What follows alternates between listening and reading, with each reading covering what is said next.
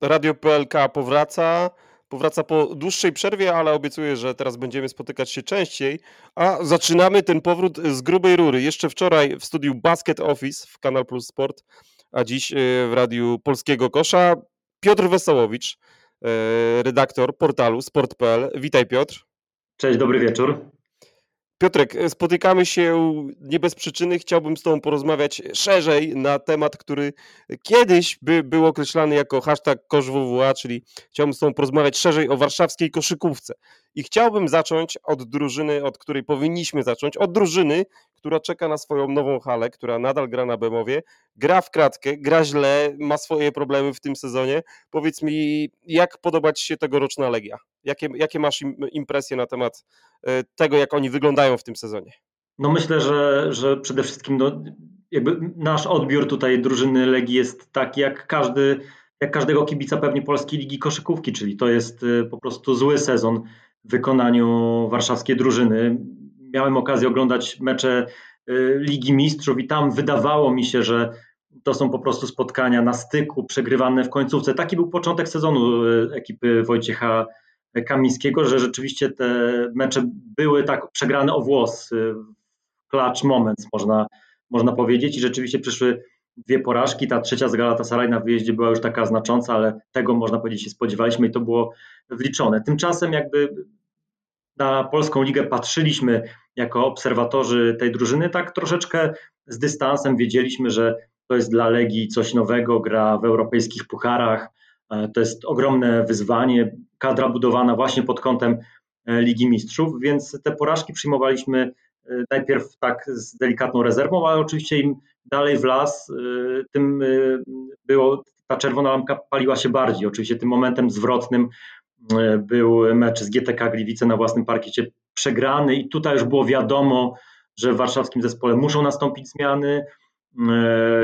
Ja rozmawiałem z ludźmi, z ludźmi z klubu i Oczywiście w tym momencie jest bardzo trudno, aby czegokolwiek się dowiedzieć, czegokolwiek, y, cokolwiek od nich wyciągnąć. Wiemy, że panuje przynajmniej w kadrach jakby no nie najlepsza atmosfera, jest dość gęsto i jakby no, ta pierwsza decyzja, to już widzieliśmy w trakcie meczu z Treflem Sopot, y, zawieszony Devin Marble, zresztą Wojciech Kamiński powiedział na pomeczowej konferencji, że już raczej nie powinniśmy się go spodziewać, a wielokrotność słowa bardzo, bardzo, bardzo, bardzo mało prawdopodobne wskazuje, że raczej Devina Marbla już w Legii nie zobaczymy, ale nie przesądzałbym, że jest to koniec zmian, bo ta pierwsza refleksja, którą już mogliśmy wyczuć po tych pierwszych spotkaniach e, w europejskich pucharach, jest taka, że e, po prostu jest to dość,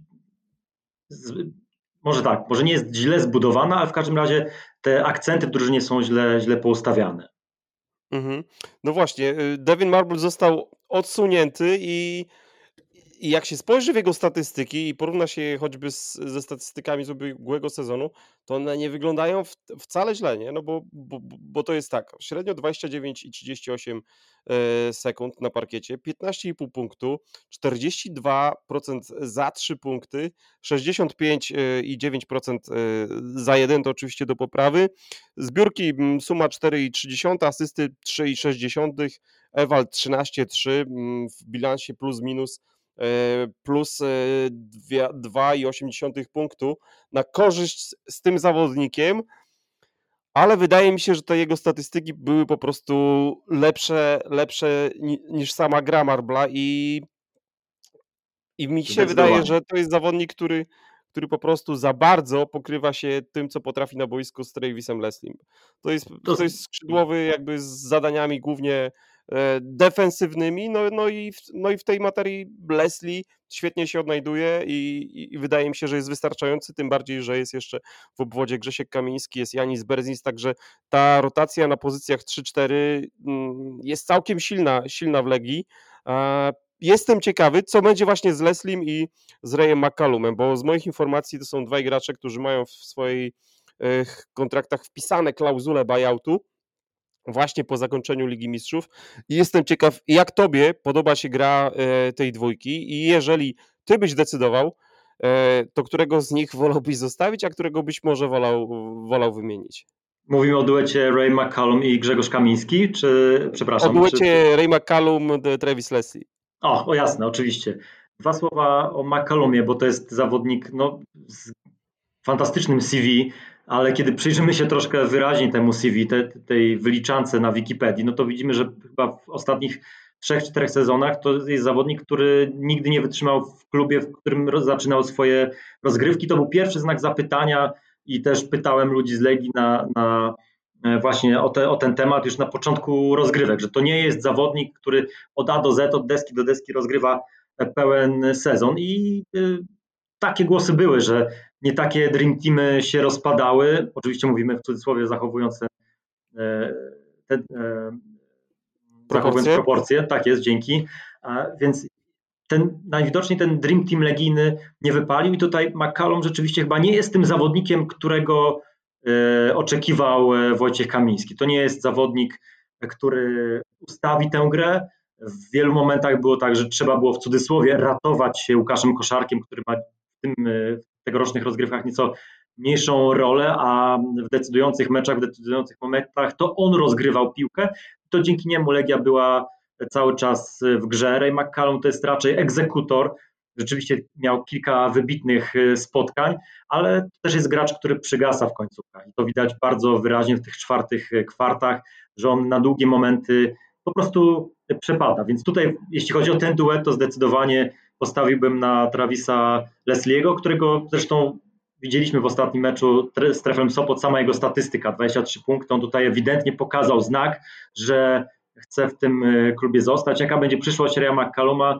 No, tak jak mówię, nie, trudno, trudno rozstrzygać, jest jakby szczelna ta, ta blokada, jeśli chodzi o klub, ale nie zdziwiłbym się, gdyby to był, e, to nie był koniec, że tak powiem, Roszad w składzie Legii w tym sezonie. Mhm. No, ja jestem pewien, że, że, że kilka klubów będzie szukać w tej przerwie świątecznej rozgrywającego i kluby izraelskie, one są zawsze bardzo agresywne na rynku, tam jest sporo pieniędzy do wydania, może jakiś klub izraelski y, zgłosi się po Reja McCalluma. Y, nie wiem, czy pamiętasz, ale była taka historia y, w Legii przed sezonem, że tak naprawdę Reja McCalluma miało tam nie być. Tam zakontraktowano Jonathana Starka jako pierwszego rozgrywającego, po czym pożegnano się ze Starkiem, w jego miejsce sprowadzono McCalluma, który mówił o sobie tak, e, mam, mam ten cytat e, otwarty przed oczami, jestem prawdziwym rozgrywającym, lubię dostarczać asysty kolegom, być reżyserem gry, liderem na boisku i poza nim. No i gdy patrzy się na tą grę Legii, to i patrzy się też na statystyki McCalluma, to on w tych statystykach podobnie jak Marble wygląda ok, chociaż to jest tylko 38% z gry, e, czyli bardzo mało poniżej, poniżej jakby średniej, poniżej standardu, który powinien oferować rozgrywający za te pieniądze na takiej pozycji w takim klubie. E, no i ten Raymond McCallum, tak jak wspomniałeś, on się sprawdzał w niektórych meczach jako, jako egzekutor, egzekutor, natomiast jeżeli chodzi o podawanie, o współpracę z Jeffreyem Grosselem, to wydaje mi się, że tutaj w ogóle ten duet nie współpracował ze sobą y, i, i, i przez to też ten początek sezonu Jeffreya Grossela nie był, nie był zbyt obiecujący, co później jeszcze tylko potwierdziło się w jego debiucie w kadrze. E, dziwnie wygląda Jeff Grossel, dziwnie wygląda ta Legia. Jak na razie to wydaje mi się, że tam nie ma gracza, który gra powyżej oczekiwań, a jedynie może polscy gracze zadaniowi typu właśnie Darek Wyka, Łukasz Koszarek, Grzegorz Kamiński po prostu grają na swoim poziomie, no i Janis Berzins też gra na swoim poziomie. Travis Leslie był kontuzjowany przez miesiąc, więc tutaj, tutaj też oczywiście ta ocena jego umiejętności i przydatności jest, jest, jest inna i jest pewnie e, ta, no, ta nota za styl jest wyższa niż w przypadku właśnie Reya McCalluma i, i Devina Marbla. Ja czuję, że to, to, o czym wspomniałeś y, i o czym też mówiłeś, że odejście Devina Marbla to nie będzie jedyna zmiana w Legii, że tych zmian będzie więcej. Nie zdziwiłbym się, jakby to były nawet jeszcze ze dwie, trzy, trzy zmiany w zespole. Co ty na to? Nie, również podpisuję się pod tym. Mam wrażenie, że ta drużyna była troszeczkę za bardzo napompowana oczekiwaniami przed tymi rozgrywkami.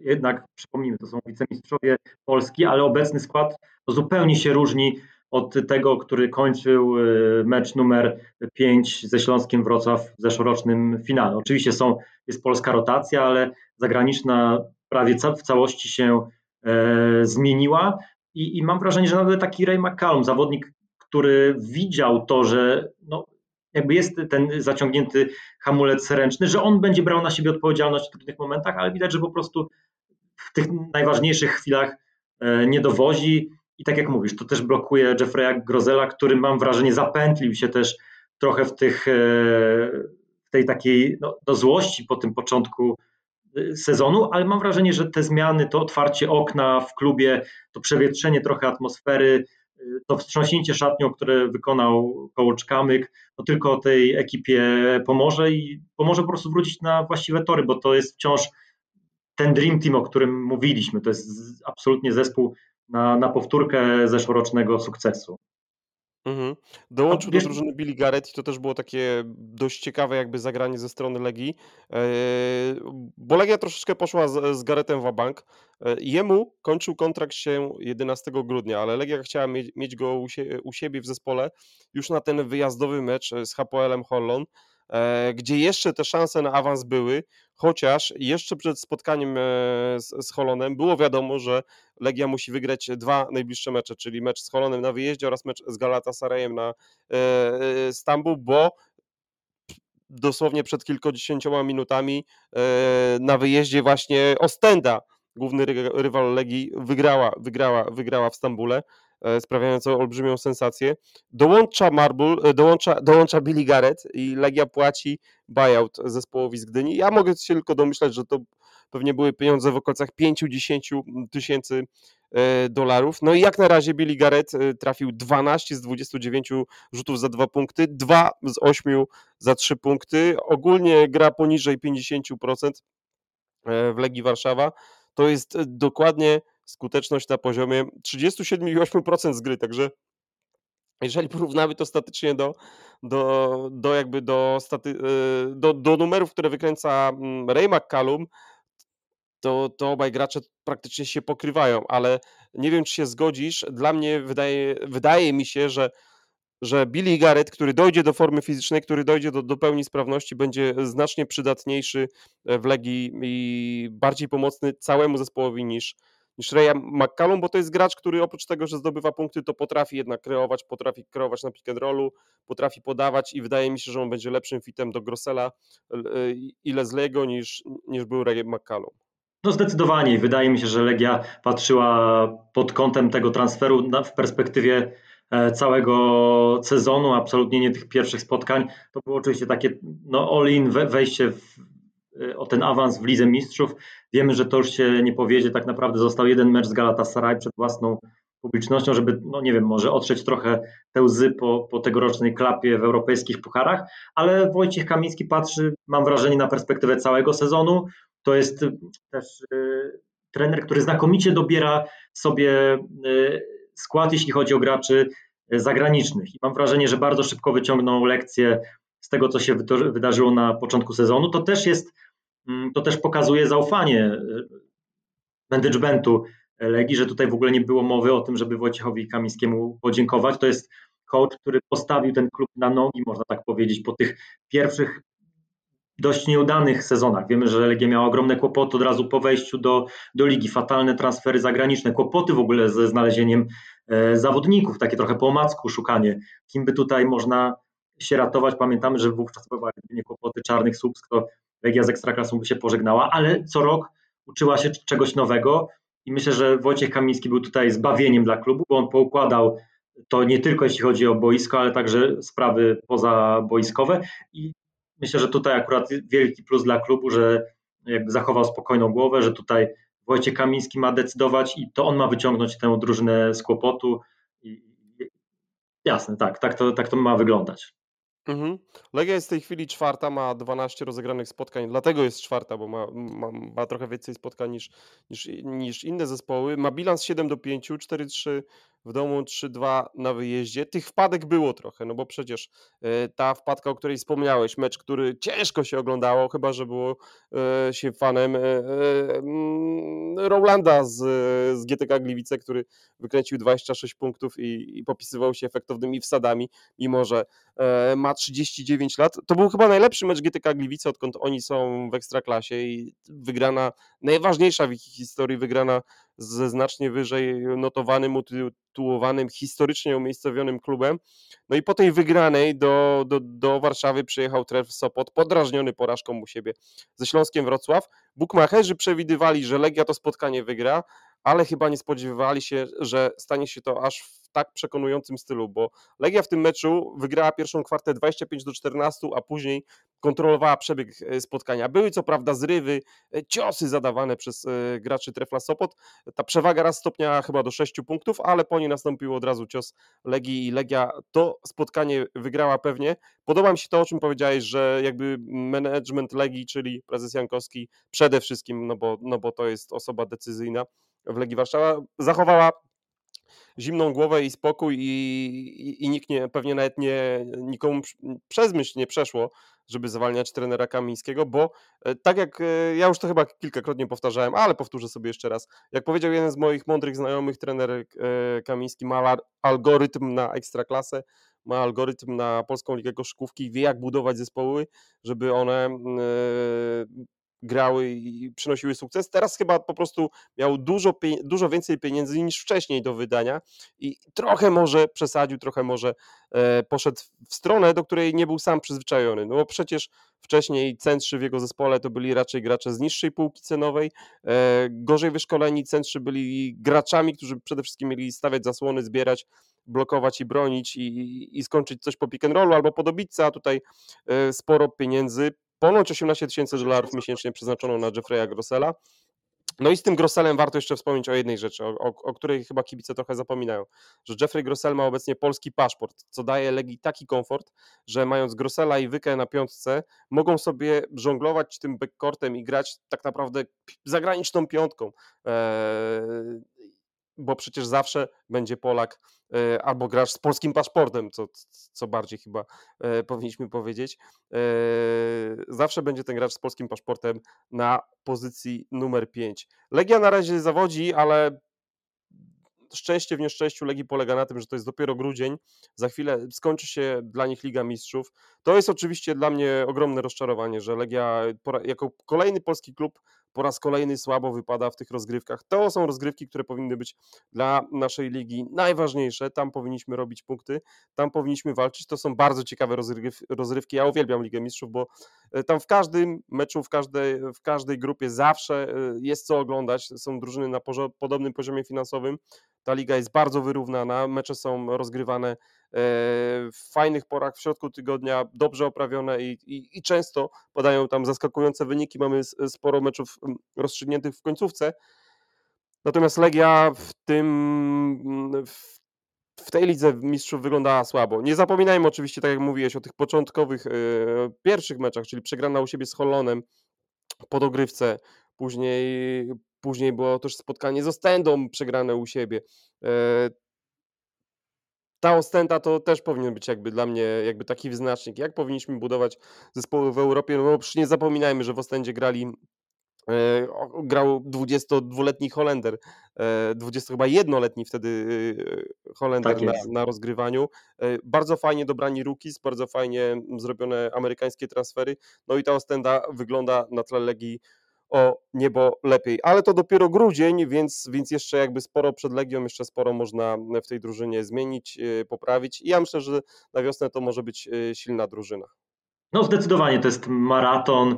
E, Legia też się uczy tej koszykówki europejskiej. No, praktycznie po tym powrocie do Ekstraklasy jeden sezon FIBA Europe Cup nie, niezbyt y, udany. Liga Mistrzów to też jest dla klubu coś absolutnie nowego. Jeśli porównujemy właśnie do Ostendy, która jest obyta absolutnie w europejskich pucharach, no to Legia dopiero zbiera to doświadczenie. Też nie zapominajmy o skali, bo, bo rozmawiamy oczywiście o obecnych rozgrywkach i mamy do tego prawo, żeby sobie dywagować i żeby krytykować Legię za, za, za powiedzmy złe wyniki w Europie i za te wpadki na polskich parkietach, ale skala też jest taka, że to jest klub, który dopiero niedawno wrócił, dopiero niedawno się odbudował, o czym pisałem też y, no, praktycznie o, o, o Legii od momentu, kiedy w 2010-2012 ta drużyna e, grała w trzeciej lidze i zrzucała się na, na wodę, na, na buty do koszykówki, na odżywki. Więc, więc to jest skala naprawdę no, 10 lat plus, kiedy ona już jest dzisiaj w Lidze Mistrzów. Oczywiście na razie przegrywa te spotkania, ale ja mam wrażenie, że prezes Jankowski jest na tyle poważnym e, człowiekiem, biznesmenem, że po pierwsze ta Legia nie, nie rozpadnie się. To nie jest klub, który się rozpadnie, ma bardzo mocne fundamenty w postaci też tej e, piłkarskiej, dużej Legii, która zawsze jest dla niej wsparciem. No i mam wrażenie, że ona tylko pójdzie, pójdzie do góry. Mhm. Y, mi też podoba się to, o czym może nie wszyscy sobie mogą zdawać sprawę, ale to jak prowadzone są e, media klubowe Legii, bo tutaj trzeba pochwalić pracę Radka Kaczmarskiego i całego zespołu. E, w trakcie każdego meczu na WhatsAppie już mam gotowe zdjęcia, po meczu mam gotowe dźwięki. Z każdego meczu jest pisana y, zapowiedź oraz relacja, która trafia trafia na skrzynkę mailową tu, tuż po meczu. Świetnie robi to Radek, a, a, a kluby, które jeszcze to robią i, i, o których warto wspomnieć, to między innymi takie zapowiedzi y, tworzy także i w, podob, w, podobnym tonie e, działa Śląsk Wrocław. Oczywiście tam jeszcze, albo ja nie, po prostu nie należę do tej grupy na Whatsappie, może muszę poszukać oraz GTK Gliwice, tam zawsze są także od razu e, relacje pomeczowe, także fajnie, że Legia nie zapomina o mediach, mm, jest także prężnie działający zespół Cheerleaders, które także pojawiają się w produkcjach telewizji klubowej. Widziałem taki film nakręcony dla mm, warszawskich tramwajów, tramwajów warszawskich z, Radkiem, y, z Łukaszem Koszarkiem i Darkiem Wyką.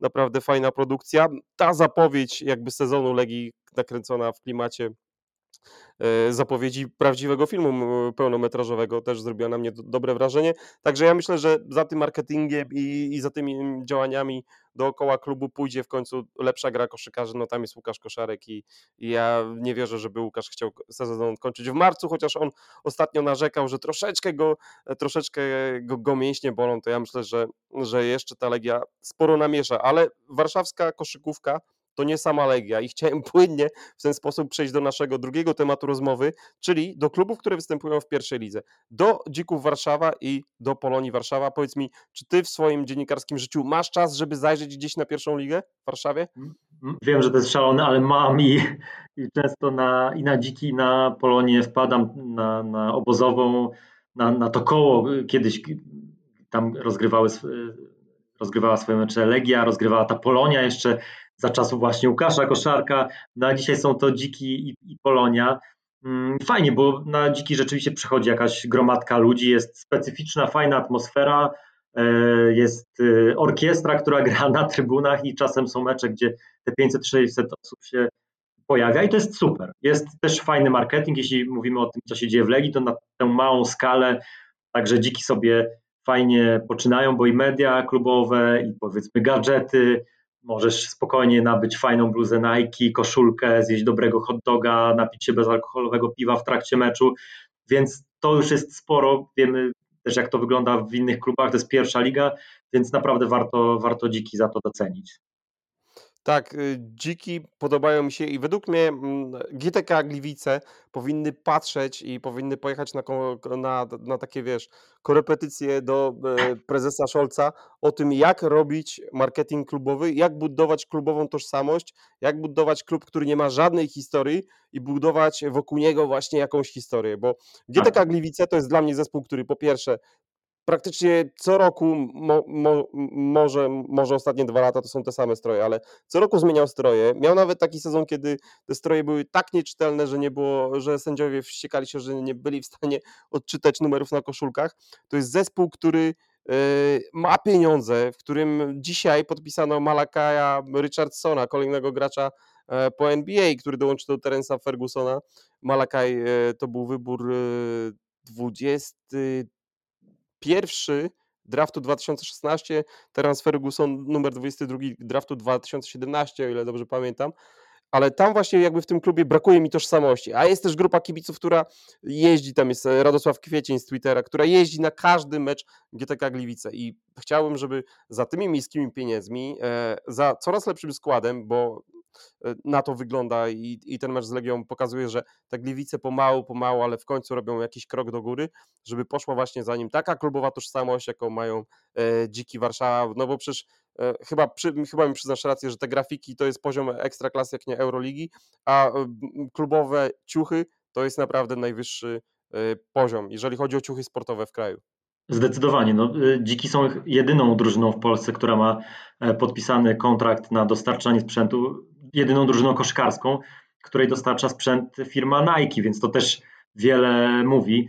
No a jeśli rozmawialiśmy o skali Legii i tego, jak ta drużyna się zbudowała przez powiedzmy dekadę plus, no to ja chodziłem na dziki, co jest no wiem, ale jestem takim groundhopperem też koszykarskim i chodziłem na dziki, kiedy grały w drugiej lidze, malutkiej hali na Ochocie i no nie było więcej niż 10-15 osób w hali. Wówczas pamiętam Łukasz Pacocha był rozgrywającym e, po, po, po swojej grze w Legii, tam kończył e, koszykarską karierę, no a dzisiaj jest to po prostu drużyna, która tutaj tego Michał Scholz, czyli prezes, no w zasadzie człowiek od wszystkiego w dzikach, podkreśla, że to jest drużyna, która będzie dobijać i chce się dobijać do ekstraklasy. To jest cel, jeśli nie wiem, rozmawialiśmy o Sokole Łańcuch przez lata, czy ta drużyna chce rzeczywiście grać w ekstraklasie, no to wiemy, że dziki tutaj się nie krygują i robią wszystko, żeby do tej PLK się dobić. Mhm.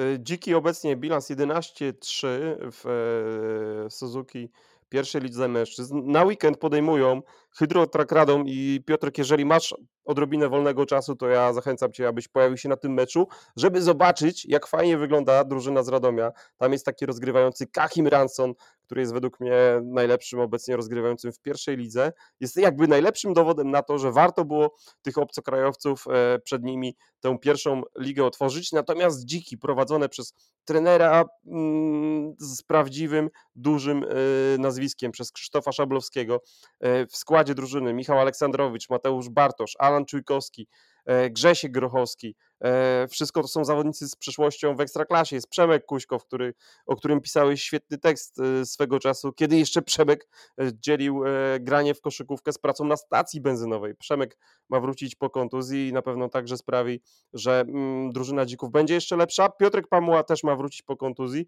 a jeszcze zespół dołożył Markusa Eizora, amerykańskiego rozgrywającego, rocznik 2000, debiutant na europejskich parkietach.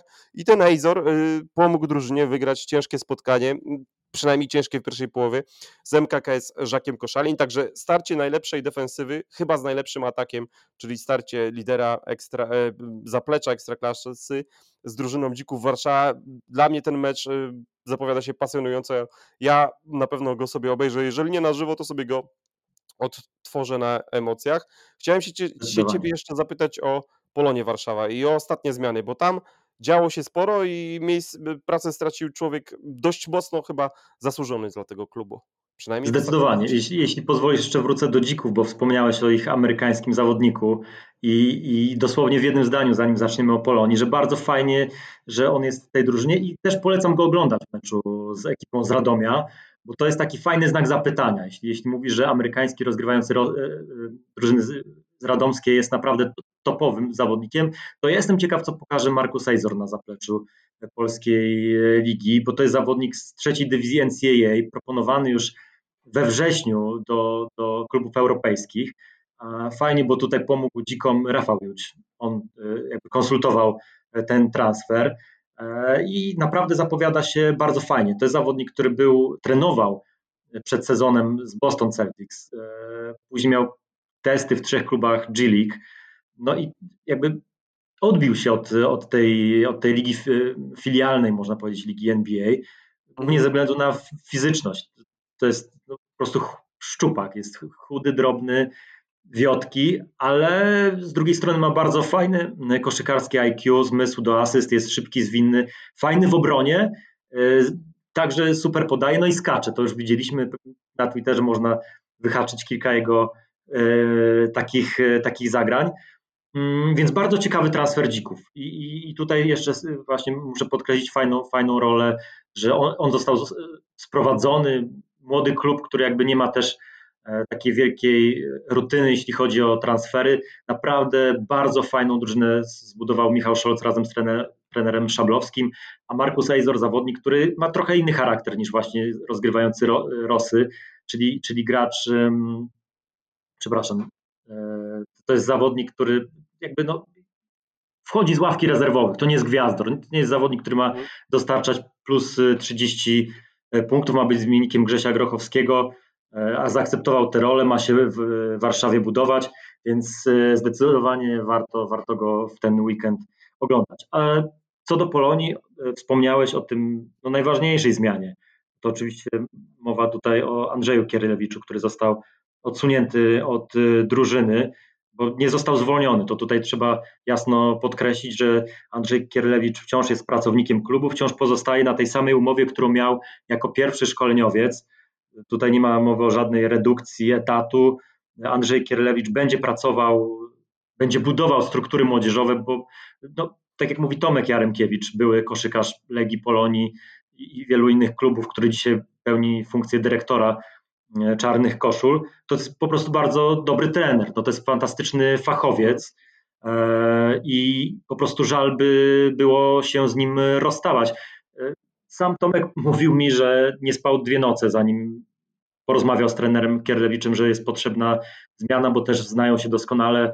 Pracowali w takim klubie KK Warszawa, który no, już zniknął z, z mapy, ale znają się, można powiedzieć, y, doskonale, więc to na pewno nie była, nie była łatwa decyzja. Y, natomiast to, co warte podkreślenia, to że mm, ona nastąpiła po dobrym momencie Polonii na parkietach pierwszoligowych, bo Polonia była 4-1 w momencie, kiedy trener Kierlewicz usłyszał, że nie będzie już pełnił roli pierwszego szkoleniowca i, i, i mam wrażenie, że tutaj celowo e, pokazano tym, że, że to nie chodzi tutaj o wyniki, bo no wiadomo, celem Polonii nie jest w tym sezonie nic więcej jak spokojne utrzymanie się w pierwszej lidze, bo spadek do drugiej ligi byłby po prostu katastrofą. Tutaj nie ma co ukrywać i e, różne złe rzeczy mogłyby się dla Polonii wydarzyć, gdyby ten spadek rzeczywiście się wydarzył. No, jak na razie to widmo jest gdzieś odsunięte.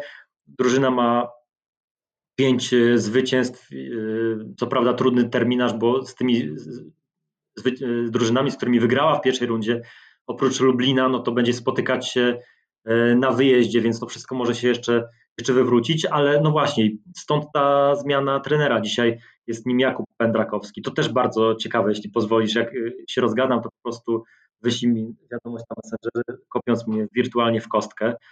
Spokojnie, Piotrek, antena jest twoja. Słuchaj, bardzo talentowany młody człowiek, młodszy e, od nas, po, ledwo po trzydziestce, uczeń Andrzeja Kierlewicza e, i bardzo odważny ruch e, managementu Polonii, bo klub podjął decyzję, że Kuba Pendrakowski będzie pracował z tą drużyną dalej. On oczywiście po tym, jak Andrzej Kierlewicz został odsunięty od drużyny, poprowadził pierwszy trening kilka godzin po tym, jak dowiedział się, że będzie pierwszym coachem, Mm, no i przynajmniej do końca roku on ma ten klub prowadzić. Oczywiście w nowym roku nastąpi taka, no można powiedzieć, rekonsultacja tego, co, na czym stoimy i być może trzeba będzie zrobić jakieś korekty, ale cel jest taki, żeby ten szkolniowiec pracował z drużyną do końca sezonu. Mimo, że ruch jakby na rynku jest spory, klub dostaje też oferty od szkoleniowców bardzo uznanych, jakby traktują Polonię jako silną markę, chcieliby z tą drużyną pracować, ale tutaj jest zdecydowany, zdecydowanie stawiamy na, na tego młodego szkoleniowca. Y, czy ty uważasz, że ta zmiana była potrzebna, konieczna, czy, czy nie wydaje ci się, że właśnie ta zmiana była troszeczkę jakby na wyrost i może za wcześnie, bo, bo przecież Polonia nie szorowała dnem po, po, po tabeli pierwszej ligi mężczyzn.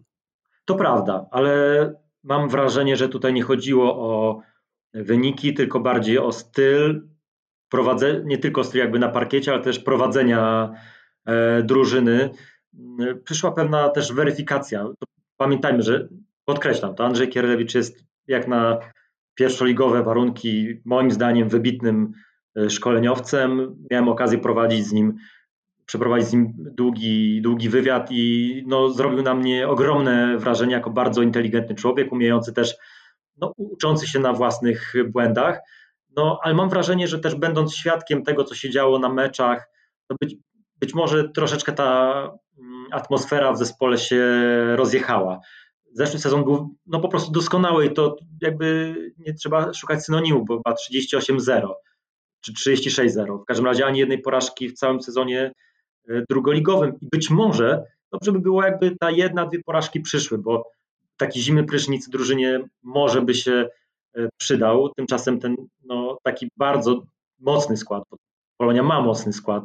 Jest tutaj, nie wiem, Patryk Pełka, jest e, Marcin Dudkiewicz, są no, weterani, jest Damian Cechniak, e, jest Michał Kierlewicz, to są no, bardzo dobrzy zawodnicy jak na warunki pierwszoligowe, ale mam wrażenie, że y, coś pękło na linii trener-zawodnicy. Oczywiście nie jesteśmy w szatni, nie widzieliśmy tego, ale, ale coś po prostu się skończyło i ta jakby ta zmiana jest w jakimś stopniu uzasadniona. Mhm. Y, tuż po tej zmianie y, Polonia przegrywa u siebie e, dopiero w końcówce z Górnikiem Wałbrzych, z drużyną typowaną jako jeden z kandydatów do ekstra y, klasy, do awansu do ekstra klasy. Tam drużynę prowadzi Michał Sietnik, który dopiero co dołącza i debiutuje w barwach Górnika, a następnie Polonia jedzie do Opola i tam przez długą część meczu wygrywa, chociaż e, nie była faworytem tego spotkania, ale w końcówce musi uznać wyższość drużyny Politechniki Opolskiej prowadzonej przez trenera e, Roberta Skibniewskiego. E, także jak na razie nowy trener rozpoczął od dwóch porażek, ale na pewno jeżeli chodzi o styl gry drużyny, no to kibice mogą być zadowoleni, bo Polonia jakby dostarcza im ogromnych emocji. No zdecydowanie. Ten mecz, zwłaszcza ostatni, przegrany w tej drugiej połowie, tak jak podkreśliłeś, Zresztą bardzo słusznie tutaj mocno się zawodnikom za tę drugą połowę oberwało i jakby ludzie Polonii absolutnie nie obarczają trenera za tę e, porażkę. On zaczyna od bilansu 1-2, o ile, o ile dobrze pamiętam, ale, ale wszystko, wszystko przed nim. I tutaj też jakby podkreślają to też ludzie Polonii, e, że Jakub Pędrakowski jest uczniem Andrzeja Kierlewicza. To też pokazuje, że nikt tutaj się na byłego już coacha nie, nie obraża. On, on pozostanie w klubie. Zobaczymy, jak poradzi sobie ten e, młody, młody szkoleniowiec, który też jakby no, jest już doświadczonym e, trenerem, bo pracował jako asystent w Zniczu Pruszków przy dwóch zawodnikach, pracował e, przy Polonii. Wiem, że jest, no, żyje koszykówką. Tak to ujmijmy, potrafiłby rozmawiać o, o tym, E, całymi, całymi dniami. Wiem, że też pracuje, szkoli, szkoli się, e, nie zaczął tego szkolenia dwa dni temu, czy tam tydzień temu, jak się dowiedział, że będzie pierwszym trenerem, tylko inwestuje w siebie od lat. No i będę, będę mu się przyglądał i trzymam absolutnie za niego kciuki. Trzymam też kciuki za Polonię, bo rzeczywiście ten spadek byłby katastrofą. Wiemy, że jest nowy właściciel, który marzy o tym, żeby Polonia wróciła do ekstraklasy, inwestuje bardzo poważne pieniądze w ten zespół na pewno już toczą się rozmowy o tym, co ma się wydarzyć w przyszłym roku. Jeśli oczywiście pod tym warunkiem, że Polonia się utrzyma. Jeśli się utrzyma, no to już w tym momencie są plany e, budowy tej drużyny e, na nowo. No bo tutaj jakby nie ukrywają działacze, że jakieś błędy zdecydowanie popełniono. Ale jak na razie korekty w składzie no nie, nie przewiduje, o tak. Mhm. Piotrek, dziękuję Ci za tę rozmowę. Y, umówmy się już teraz, że dzwonimy się w nowym roku. Sprawdzimy po pierwsze, jak idzie, koszyka, jak idzie koszykarzom Legii. Sprawdzimy, czy Dziki Warszawa wygrały z Radomiem i co działo się później w tej drużynie, jak radzi sobie Markus Eizor, a na koniec sprawdzimy, jak radzi sobie nowy, młody szkoleniowiec Polonii Warszawa i pogadamy sobie w kolejnym odcinku także o koszykarkach Polonii Warszawa. Co Ty na to? Tak, jest, bardzo, bardzo mi miło. Bardzo w ogóle dziękuję za zaproszenie, to dla mnie e, duży zaszczyt. I oczywiście będzie fajnie pogadać o polonistkach, bo to też jest ciekawa historia. W weekend derby Mazowsza z Pruszkowem, więc będzie fajny pretekst. Super. W takim razie słyszymy się w, w, nowym roku, a za dziś już Ci dziękuję. Piotr Wesołowicz był gościem Radia Polski Kosz, Radia PLK. Dzięki. Dzięki, do usłyszenia.